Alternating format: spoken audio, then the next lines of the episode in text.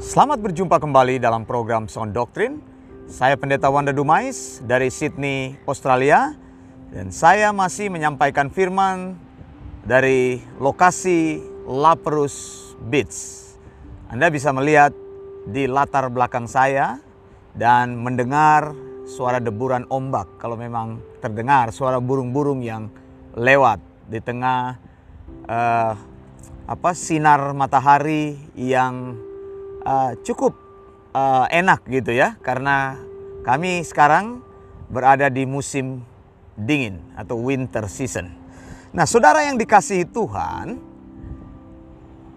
waktu saya menulis di Facebook, tulisan-tulisan saya Anda banyak Anda bisa dapati di dalam Facebook saya Hastings Wanda.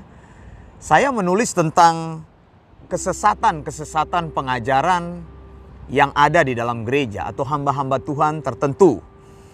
Pada saat saya menulis tentang kesesatan-kesesatan tersebut, ada orang-orang yang berkomentar atau mengirim pesan kepada saya, "Oh, Pendeta Wanda, kalau bisa jangan di-expose uh, kesesatan tersebut karena menulis atau mengekspos kesesatan tersebut sama juga dengan mengekspos atau mempermalukan umat Kristen.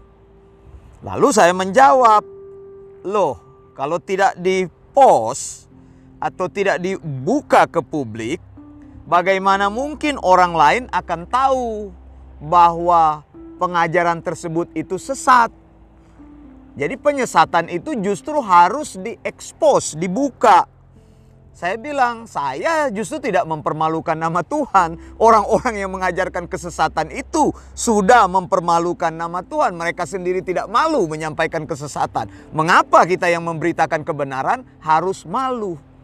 Jadi saudara, kalau bicara mengenai aletheia, kebenaran, maka kita bicara bukan hanya menyampaikan kebenaran, bukan hanya publish kebenaran, bukan hanya mensupport kebenaran, tetapi kita juga defended kebenaran itu. Kita expose apa yang salah begitu. Kebenaran harus disampaikan dengan tegas dan dengan jelas serta lugas. Saudara, jadi jangan menutup-nutupi kebenaran, jangan sampaikan firman yang bersifat kompromi, hanya menyenangkan orang lain. Ada juga orang yang berkata kepada saya, saya baca ketika khotbah perpuluhan saya, di posting di satu tempat ada orang-orang yang berkomentar, wah pendeta model begini bakal tidak diundang lagi di dalam gereja. Ya memang saya tidak mencari perkenanan manusia. Tidak perlu diundang-undang seperti itu, tidak mau mencari popularitas. Tujuan saya memberitakan Injil bukan untuk mencari amplop begitu supaya diundang-undang, tidak Saudara.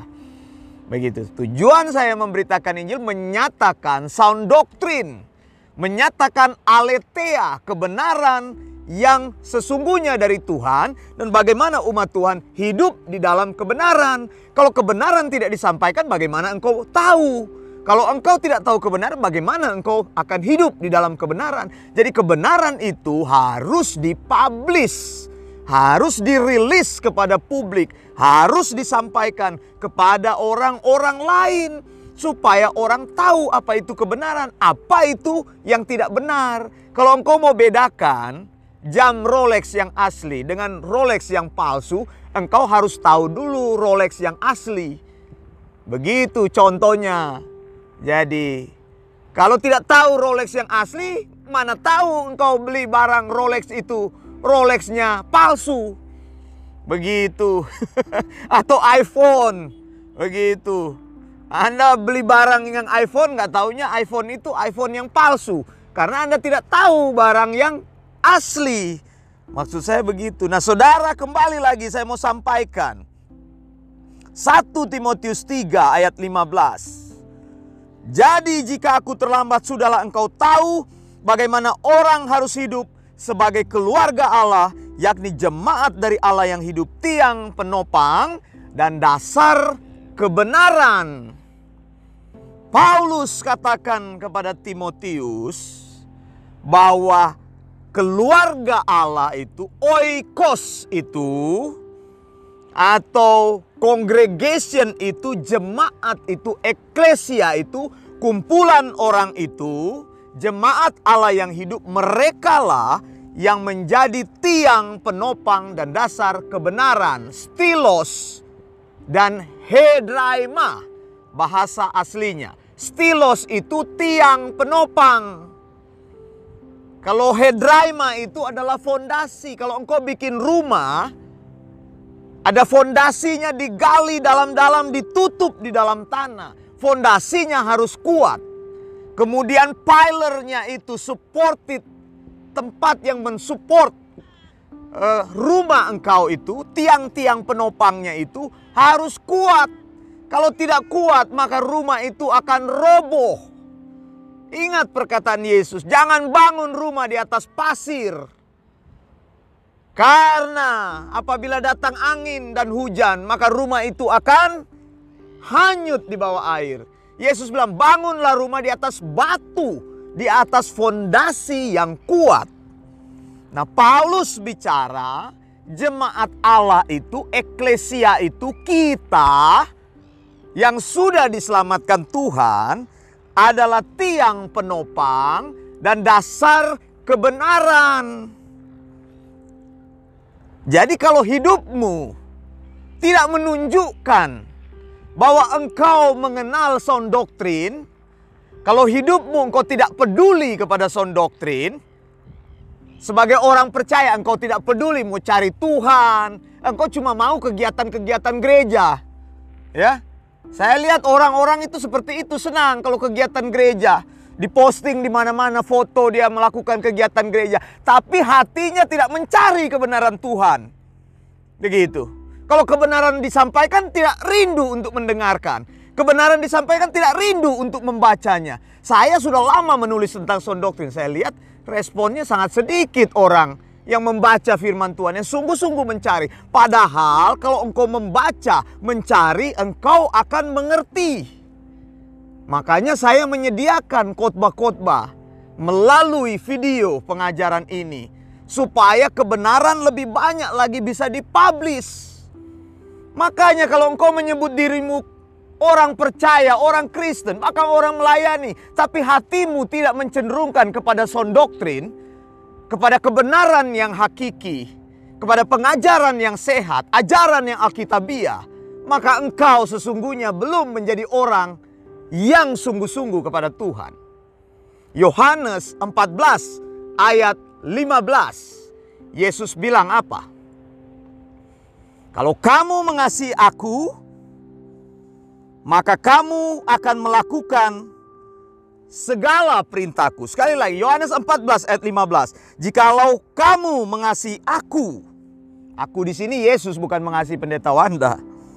Kamu akan menuruti segala perintahku, perintah Yesus. Bahasa aslinya bilang begini, ean agapete metas entolas tas hemas teresate. Kata agapete ini berasal dari kata dasar agapau. Agapau itu agape.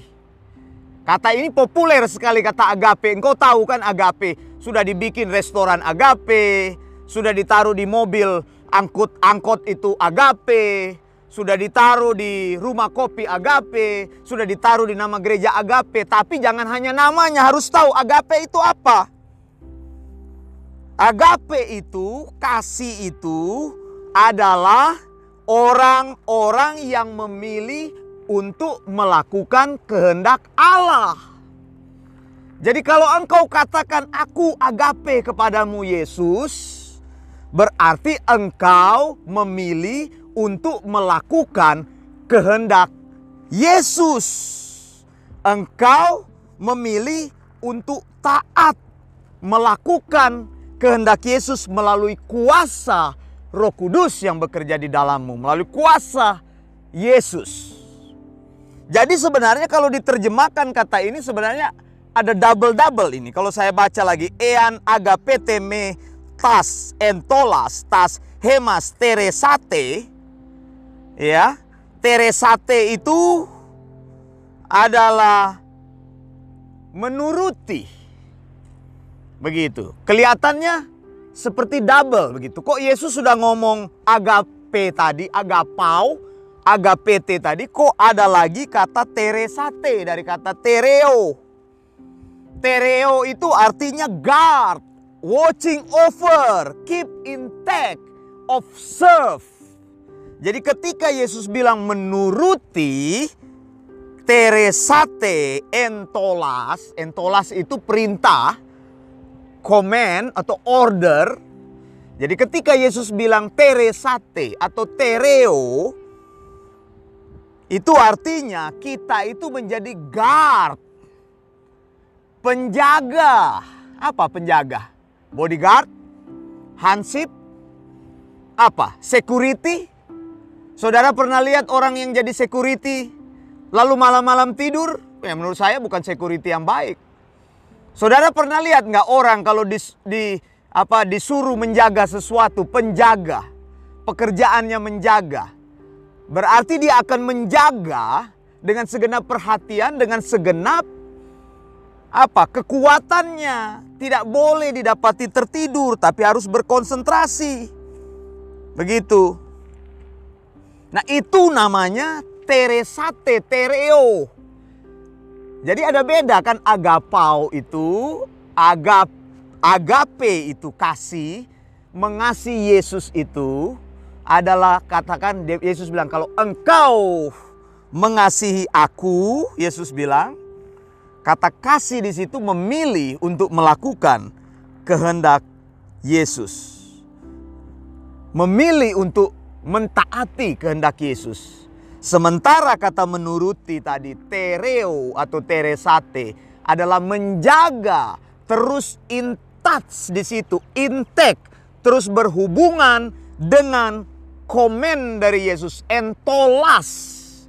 Nah, bagaimana mau mengerti entolasnya perintah Yesus kalau engkau tidak punya hati untuk mencari Dia, mencari sound doktrin. Nah, saudara yang dikasih Tuhan, saya mau katakan, itu sebabnya cari gereja yang meninggikan kebenaran firman Tuhan. Prakteknya itu harus hidup sesuai dengan kebenaran Tuhan. Bukan gereja hanya kumpul-kumpul, makan-makan, bertemu satu sama lain, nyanyi-nyanyi. Tapi segala rupa dosa dan kesesatan ada di situ. Dan Anda tidak merasa terganggu. Kalau ada dosa tidak merasa terganggu bagaimana? Berarti engkau sudah mati, sudah kebal terhadap hal tersebut. Kalau engkau sudah kebal, maka engkau terbiasa dengan perilaku kompromi dan menerima itu sebagai suatu yang biasa. Ukuran gereja benar itu bukan dilihat dari banyaknya jemaatnya. Saya sudah berulang kali katakan, besarnya gedungnya, remang-remang tempat kebaktiannya. Gereja kok kayak diskotik atau bar, gelap. Panggung diberi lampu, jadi di situ ada performance. Jemaatnya datang cuma nonton, diundang artis idol inilah Indonesian Idol. Diundang bekas ini nyanyi di situ suara bagus. Engkau jadi jemaat menonton bukan itu. Gereja itu keterlibatan semua orang di dalamnya. Makanya jangan cari yang remang-remang begitu cuma lampu sorot begitu. Cuma bisanya haleluya haleluya haleluya. Tidak seperti itu Cari gereja yang mengkhotbahkan firman yang tidak kompromi. Bukan hanya motivasi belaka yang hanya meninabobokan imanmu. Gereja yang cuma ngomong Yesus itu jawaban atas masalahmu. Itu aja yang dibahas membuat jemaat merasa nyaman sesaat. Khotbah-khotbahnya itu bagaimana engkau sukses. Bagaimana engkau diberkati? Tiga hal supaya diberkati Tuhan. Tiga hal supaya doamu dijawab. Tiga hal supaya engkau sembuh dari penyakitmu. Tiga hal supaya engkau berkenan kepada Tuhan. Tidak ada gitu. Cari gereja yang berkhotbah ekspositori.